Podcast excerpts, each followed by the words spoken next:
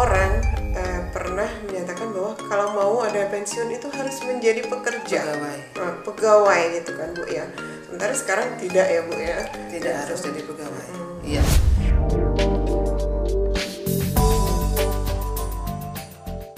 Pojokers, jumpa kembali bersama OJK Bengkulu dalam kegiatan Pojok Juara OJK podcast dan video vlog yang menjelaskan tentang uh, informasi maupun berbagi pengetahuan uh, mengenai industri jasa keuangan maupun pengetahuan lainnya untuk uh, insan OJK Provinsi Bengkulu maupun masyarakat pada umumnya.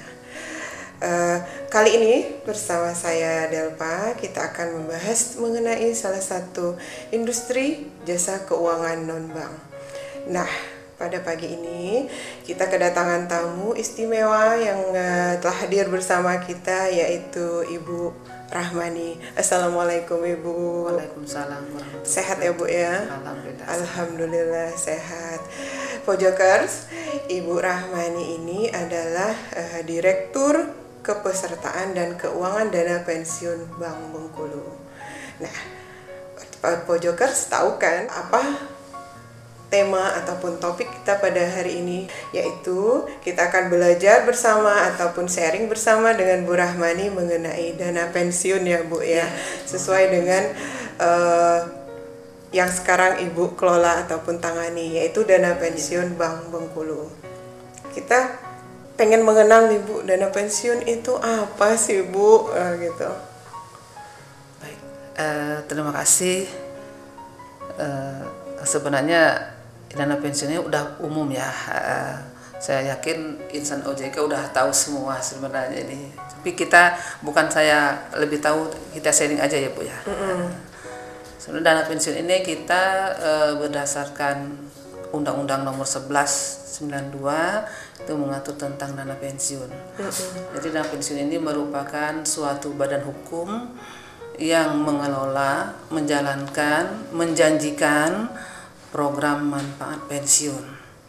Nah, it- itulah dana pensiun. Nah, jadi eh, Jadi yang dikelola itu manfaat pensiun manfaat ya? pensiun yang kita kelola di mana pendiriannya pendiriannya bukan berdasarkan anggaran dasar seperti UPT atau eh, eh, apa eh, perusahaan yang lain. Kita berdirinya ini berdasarkan peraturan dana pensiun. Nah peraturan dana pensiun ini disahkan oleh Menteri Keuangan. Nah sejak eh, keluarnya Undang-Undang 21 tahun 2011 Ibu, ya berdirinya OJK eh, itu sudah dialihkan ke OJK. pengawasannya. Pengawasan dan pengesahan peraturan dana pensiun oleh OJK. Bu. Oh, Ah, ah. Oke ya. Nah, setelah itu dimuatkan ke dalam lembaran negara, baru dana pensiun bisa melaksanakan kegiatannya. Itu sebenarnya dana pensiun, Bu. Oh iya. Iya. iya. Berarti sekarang dana pensiun itu berada di bawah pengawasan OJK ya Bu ya. Iya. Betul. Nah, eh, boleh tahu nih Bu, eh, untuk dana pensiun yang Ibu kelola ini be- berdiri sejak kapan Bu? Eh, ini sejak eh, 83 Tahun 83, udah Iya. lama berarti Bu? Eh, sebelumnya ini kan Bank Bengkulu ini eh, pemegang saham pengendalinya gubernur bu. Jadi eh, gubernur mengeluarkan peraturan agar mendirikan dulunya yayasan namanya bu, yayasan dana pensiun. Oke. Iya, yayasan dana pensiun, di mana eh, orang-orangnya itu ya karyawan Bank Bengkulu, Mm-mm, yang menjadi pesertanya karyawan Bank Bengkulu. Eh, nah, setelah berjalannya waktu, pemerintah pusat mengeluarkan regulasi tahun 92 April itu Undang-Undang Nomor 11 sehingga seluruh yang berdiri nama Yayasan Dana Pensiun se-Indonesia ini harus merubah bentuk badan hukumnya menjadi eh, berpedoman kepada Undang-Undang Nomor 11. Iya, Iya, iya, iya. gitu. Eh, berarti dana pensiun ini yang seperti saya awal tadi jelaskan ini salah satu lembaga keuangan ya Bu ya. Iya, Eh, tapi non bank. non bank. Iya, iya, iya. Oke Bu, Eh, Pojokers, eh, uh, sudah sedikit memahami kan uh, mengenai dana pensiun ini uh, sudah dijelaskan oleh, oleh Bu Rahmani tadi mengenai apa itu pengertian dana pensiun. Nah, Bu, uh, balik lagi nih. Nah, manfaatnya apa nih, Bu, uh, dana pensiun ini? Baik. Uh, dana pensiun ini kan memberi janji tadi ya, Bu ya. Mm -hmm. Memberi janji uh, memberi janji bentuk manfaat pensiun. Mm -hmm. Nah, manfaat pensiun ini diberikan kepada seluruh peserta yang telah memasuki usia pensiun hmm. sesuai dengan peraturan dana pensiun. Hmm. Nah, jadi kalau kita uh, bukan kalau kita di kita itu dana pensiun uh, program pemberi kerja bu, ya, istilahnya uh, ada dana pensiun program pemberi kerja. Hmm. itu kan ada juga sekarang uh, dengan lahirnya undang-undang nomor 11 tadi ada dua keluarnya bu. Hmm. istilahnya singkatnya DPPK sama DPLK iya, nah, kalau DPPK ini kan didirikan oleh orang atau uh, badan yang mempekerjakan karyawan hmm. nah kalau di DPPK. Nah, kalau di uh, eh, DPLK itu didirikan oleh bank atau asuransi jiwa. Gitu, Bu. Jadi Oh, berarti bank atau asuransi jiwa ya, itu boleh mendirikan DPLK. DPLK. Iya. Dana pensiun. Dana pensiun lembaga keuangan. Lembaga keuangan. Oke, okay, ya, ya. Berarti ada dua, Bu ya. Ada uh, dua. Eh, apa namanya itu istilahnya model bisnis atau apanya uh, dana pensiun gitu ya bu ya iya bentuk hukumnya eh, dana pensiun ada dua ini jenis itu mm-hmm. nah, DPP, DPPK dan DPLK DPPK yang ada dikelola kita di Republik ini baru dua itu baru dua itu ya, ya. oke okay, uh, baik nah uh, kembali lagi nih uh, kalau untuk yang dana pensiun Bank Bengkulu itu masuk kategori yang mana nih Bu? Uh, dana pensiun pemberi kerja. Pemberi kerja. Iya. Hmm. Dana pensiun pemberi kerja ini Bu dia uh, ada dua pilihan program. Hmm. Saya belum ke programnya ya Bu ya. Iya. Ada dua uh, pilihan program. DPPK itu boleh memilih program manfaat pasti hmm. atau program iuran pasti. Hmm. Uh, jadi dana pensiun kita Bank Bengkulu itu memilih program manfaat pasti. Manfaat pasti ya, yang manfaat untuk pasti Bank untuk Bank Bengkulu. Hmm. Hmm. Ya, uh, saya jadi uh, penasaran nih Bu, Ibu menjelaskan tadi ada dua berarti ya, uh, program pensiunan iuran pasti dan juga manfaat pasti. Nah, ini ini apa bedanya nih Bu, uh, dua ini, iuran pasti dan manfaat, manfaat pasti, pasti gitu. Uh, ini program pensiun manfaat pasti itu pendiri bu dalam hal ini kalau pendiri kami kan Bank Bengkulu yang mm -hmm. mendirikan itu.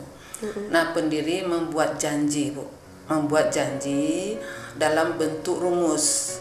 Nanti mm. karyawan pada saat masuk usia pensiun akan menerima begini, gitu. Jadi ada ada rumus yang ditetapkan. Ada perhitungan perhitungan start perhitungan tetapnya gitu bu oh. kalau itu. Jadi mereka tidak akan artinya mengalami risiko kerugian peserta itu. Nah, karena kenapa dia tidak mengalami uh, risiko kerugian? Umpamanya ada in, melakukan investasi terus investasi tidak menguntungkan gitu bu ya uh, dampaknya ke peserta tidak? Itu di manfaat pasti. Karena uh, pendiri membuat janji di dalam peraturan dana pensiun dia e, sesuai dengan undang-undang dana pensiun kecukupan dana pengelolaan dana pensiun itu menjadi, menjadi tanggung jawab pendiri.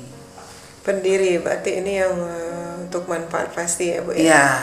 Nah, kalau iuran pasti itu kan arahan investasinya tuh ditetapkan oleh pendiri dan dewan pengawas. Mm -hmm. Nah, dewan pengawas perwakilan dari peserta. Perwakilan Jadi ketika peserta. Eh, perwakilan dari peserta. Mm -hmm. Jadi ketika dia melakukan investasi, umpamanya terjadi kerugian gitu bu, ah itu pesertanya ikut rugi. Oh, menanggung baik, rugi. Baik, ya. Ah, ah, gitu. Jadi kerugian di peserta berarti Bu ya? Iya, dia ikut ke dalamnya. Nah, ah, gitu. Itu iuran pasti. Dan dia hanya pastinya iuran, Bu. Oh, Iya, pe- manfaatnya nanti nggak pasti. Oke, baik Gitu. Bu. Ini eh, semakin menarik perbincangan kita dan saya yakin Pojoker semua pasti penasaran eh, mengenai eh, manfaat pasti maupun iuran pasti. Nanti kita akan gali lagi kembali dengan Bu Rahmani, tapi kita break dulu ya.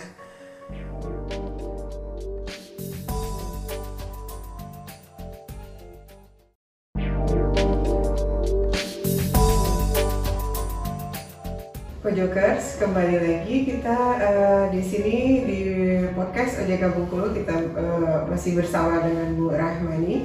Kita lanjutkan kembali ya eh, perbincangan tadi. Mungkin saya saya sendiri Bu masih penasaran Bu dengan mengenai eh, iuran pasti dan manfaat pasti lagi tadi.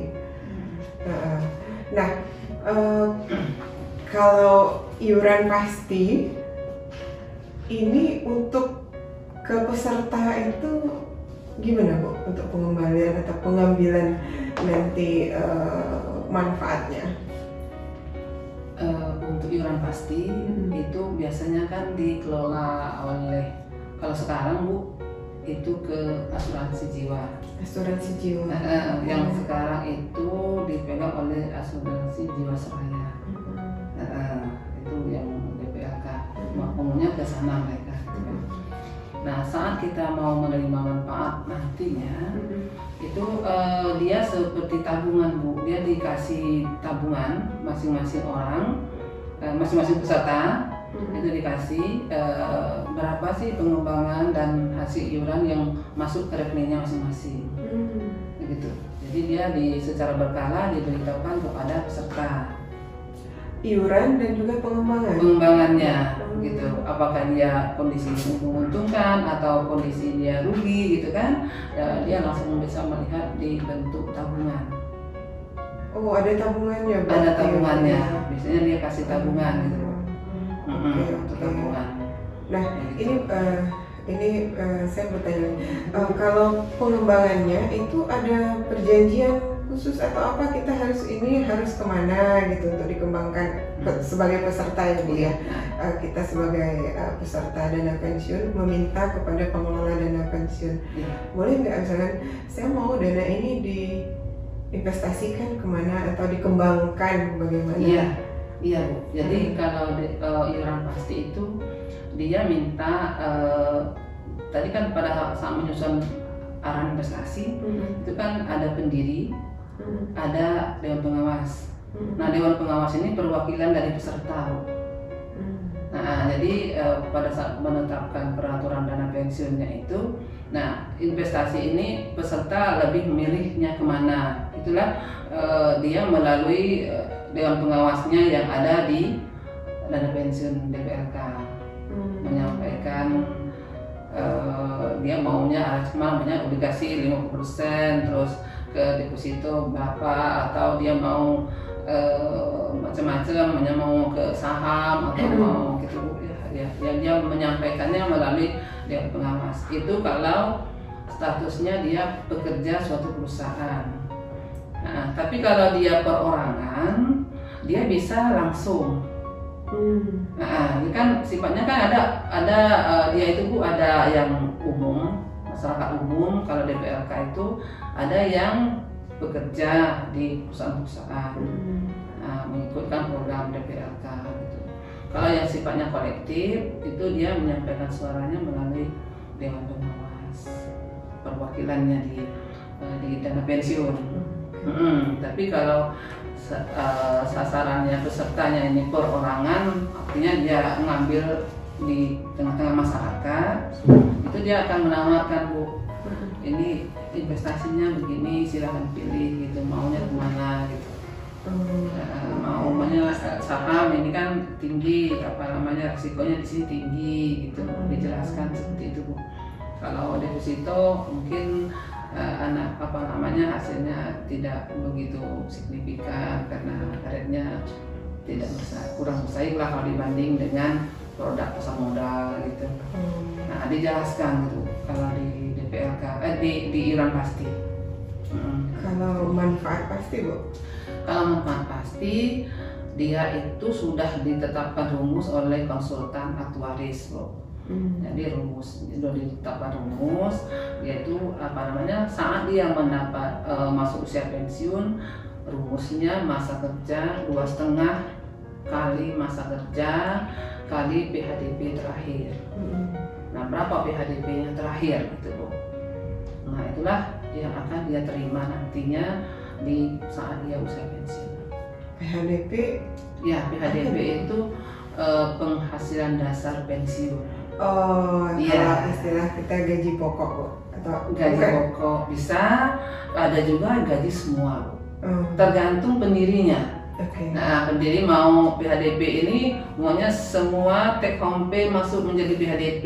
Hmm. Itu berarti nanti masa tua karyawan menjadi sejahtera. Hmm. Karena yeah. kan iya. tinggi kan, Bu? Yeah, nah, yeah. tapi kalau dari gaji pokok kan berbeda jauh dengan iya. pay kan bu. Betul, nah, betul. Berarti siap-siaplah karyawan akan menerima ya sesuai dengan PDP terakhir. Iya. baik baik. Ini ya oke bu. Uh, ada satu pertanyaan saya sebenarnya menggelitik. Ketika di seorang peserta itu mencapai masa pensiun, itu yang diterimanya baik dari yang iuran pasti ataupun manfaat pasti itu berapa persen sih bu yang diterima ketika batas masuk batas usia pensiun langsung oh. diterimanya semua atau bagaimana bu? Uh, itu kan keluar POJ kalimat mm -hmm. mengenai manfaat manfaat pensiun ya mm -hmm. iuran pensiun manfaat pensiun dan manfaat lain itu baru mm -hmm. keluar dari OJK regulasi barunya di sana uh, kalau iuran uh, manfaat pasti itu akan dihitung dulu bu hitung dulu berapa sih uh, jumlah haknya peserta ini pada saat dia masuk usia pensiun nah kalau totalnya uh, di bawah 500 juta dapat dibayar sekaligus hmm. tapi peserta boleh pilih mau dibayar bayar secara berkala bulanan hmm. Uh, boleh ngambil 20% pada saat pensiun sisa 80% diambil secara berkala untuk berkesinambungan penghasilannya di hari tua itu bu karena kan kadang-kadang e, kita nih mantan pekerja kan nggak bisa mengolah uang ya bu ya. Kalau uang itu kita ambil banyak kan anak cucu minta kan mau pinjam untuk bisnis loan atau itu datu gitu kan iya. mau ini. Nah ternyata dia berbisnis nggak bisa gitu kan. Berarti kan uangnya akan hilang seketika. Ah, maksudnya uangnya akan hilang tidak dapat di ini kan untuk jangka yang panjang. Nah kadang-kadang uh, seperti kami banyak memilih itu uh, berkala bu jadi dia menerima uh, bulanan. Mm-hmm. boleh dia ngambil 20% boleh tidak mengambil 20% gitu. Kalau dia mau manfaat pensiunnya besar Eh, setiap bulan dia terima berarti dia tidak ngambil 20 persen. Hmm. Kalau dia ada kebutuhan boleh ngambil 20 persen, berarti 20 persennya berkala gitu. Kecuali dalam POJK itu uh, dia berubah warga negara bu, makanya dia di sini di Indonesia bekerja sebagai apa namanya tenaga asing, tenaga kerja asing, tenaga kerja asing. Tapi perusahaan mengikutkan dia dalam program langsung Pak Pasti. Hmm. eh, itu pada saat dia berubah warga negara itu boleh dibayar sekaligus. Hmm. nah, walaupun di atas 500 tadi. Atau dia sakit terus bu nggak bisa apa-apa. Itu dibayar nah, boleh dibayar sekaligus. Itu katanya orang OJK katanya katanya peraturan OJK katanya, katanya regulasi itu ya. ya katanya ketentuan. Jadi pedoman kita peraturan itu gitu ya ya, ya. Nah, mana kita dengan banyaknya regulasi dari OJK sebagai pengawas e, mengatur dana pensiun ini kan ya intinya untuk kesinambungan penghasilan. Peserta jangan sampai pada saat dia pensiun tidak bisa menerima kan itu ya. Nah jadi diatur secara ketat benar. Nah ini juga kita e, kami sebagai pengguna pensiun e, setiap perubahan regulasi yang sifatnya sangat mempengaruhi ke dalam peraturan dan pensiun kita akan mengupdate peraturan itu baik Bu. Baik uh, Bu. Uh, sampai sekarang saya uh, sampai saat ini saya udah sedikit tercerahkan ya Bu tentang dana pensiun dengan penjelasan Ibu. Oke Pojokers, uh, masih banyak sebenarnya pertanyaan yang akan kita tanyakan ke Bu Rahmani uh, tentang dana pensiun dan saya yakin Pojokers juga masih penasaran tentang dana pensiun ini. Tapi kita sementara kita break terlebih dahulu.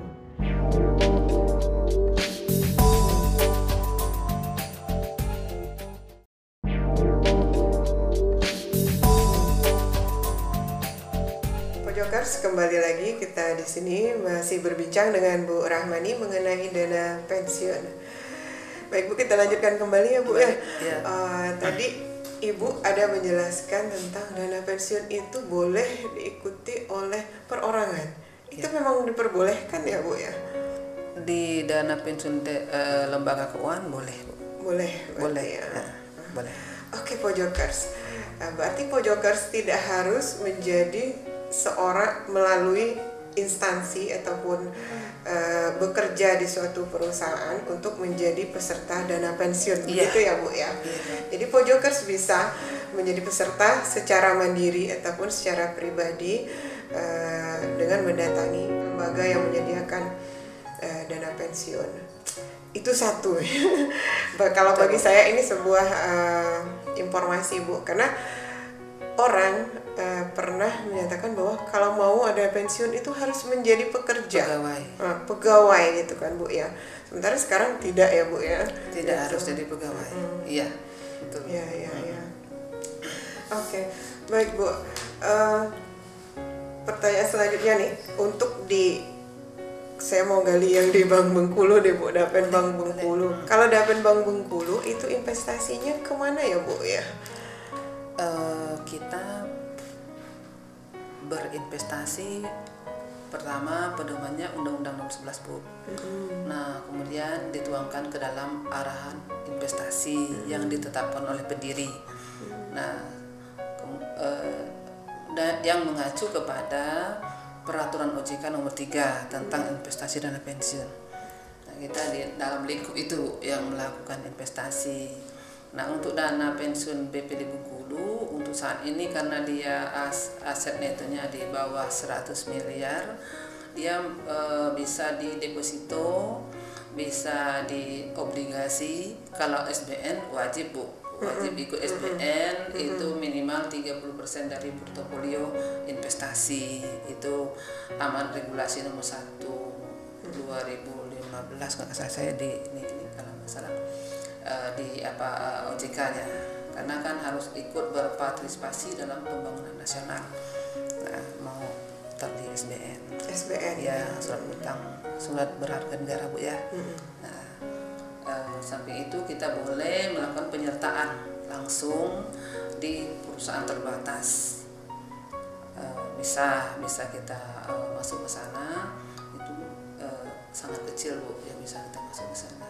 Mm. Nah, paling kita juga nggak nggak berani kita penguruskan di situ apa resikonya juga ini ya boleh dikatakan tinggi juga itu di sana. Ya, kita juga ikut sekarang itu uh, di PT Askrida bu. Cuman kita masih 0, sekian persen. Hmm. kita ikut di sana gitu kan. Nah boleh juga di tanah atau bangunan. Hmm. bisa. Nah bang uh, dana pensiun Bengkulu karena pendiri kemarin uh, kan banyak membuka cabang dan menyewa bu ya. Jadi mereka uh, pendiri minta kita uh, di kota Bengkulu uh, khususnya di Bangkadewa kemarin kan masih sewa bu. Nah dia minta dapat yang beli. Oh.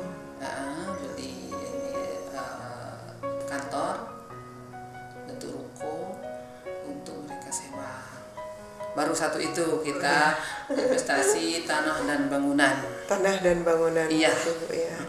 Oke baik bu. Berarti ya uh, dana iuran dari peserta itu oleh Dapen itu diinvestasikan ya bu ya? Iya kalau di uh, di kita bu bukan hanya iuran peserta hmm. tapi iuran pendiri. Iuran pendiri juga? Iya. Hmm. nah, ini uh, iuran pendiri kalau sekarang bu kita iuran pendiri 9,5 persen pesertanya 5%. Oke, baik Ya. Bu. Uh, uh. Terakhir nih Bu, mungkin singkat aja Bu. Apa sih keuntungannya kalau kita uh, mengikuti atau program dana pensiun ini? Singkat aja Bu, misalnya. Eh, keuntungannya sangat membantu sekali pada saat nanti itu ya saat nanti tidak bekerja lagi sudah tua gitu kan eh, tidak produktif lagi nah kita ada kesinambungan penghasilan yang akan kita terima. Oke. eh, dari manfaat pensiun tadi gitu. Membantu sekali bu. Apalagi di manfaat pasti. Kalau dia meninggal gitu kan eh, anaknya masih kecil jadi manfaat pensiunnya bisa ke anaknya. Hmm. Begitu. Kalau masih ada apa namanya eh, suami atau istrinya bisa ke situ dulu Bu. pensiun janda atau duda dulu. Kalau tidak ada duda jandanya dia turun ke anaknya. kalau anaknya masih usia di sampai 21 tahun. 21 tahun. Nah, sesuai dengan ketentuan itu. Jadi masih bisa. Beda dengan iuran pasti. Kalau iuran pasti tidak bu. Tidak ada turun ke anak tidak ada turun ke suami atau atau janda duda dan tidak ada. Oh. Nah, jadi dia hanya me- e, beserta pada saat dia pensiun dibayar sekaligus. Kalau di atas 500 juta, dia akan memberi anuitas. Hmm. Di Solo pihak asuransi jiwa itu e, memberi anuitas. Iya, gitu, Bu. Ah. Jadi istilahnya yang yang yang berkala anuitasnya boleh dia serahkan kepada ahli warisnya boleh tapi tidak dijanjikan dalam dalam peraturan dana pensiun. Oke. Ya. Baik Bu, Eh, sudah sangat jelas sekali nih Bu eh, penjelasan dari Ibu mengenai dana pensiun pada kita. Saya yakin insan OJK eh, mulai hari ini ini memahami tentang dana pensiun. Jadi tinggal kembali lagi kepada insan OJK semuanya, pojokar semua untuk memilih apakah mau ikut dana pensiun ataupun tidak. Karena eh, seperti yang Bu Rahmani sampaikan tadi, ini keuntungannya sangat banyak sekali, manfaatnya ini banyak sekali. Mungkin eh, kita tutup Bu ya. Kami mengucapkan terima kasih banyak Iya, atas kehadiran. Ibu, sharing informasi mengenai dana pensiun eh, pada hari ini. Ini pengetahuan yang baru buat kami semua insan OJK. Jadi untuk eh, penutup mungkin saya mau menyampaikan sedikit eh, sebenarnya tagline dari OJK, saya baca dari OJK juga bahwa hari tua bahagia, mandiri dan sejahtera itu berkat dana pensiun. Eh, kemudian ada kata ini jika anda gagal membuat rencana berarti Anda merencanakan yang gagal. Demikian Pojokers, terima kasih atas perhatiannya pada hari ini. Salam.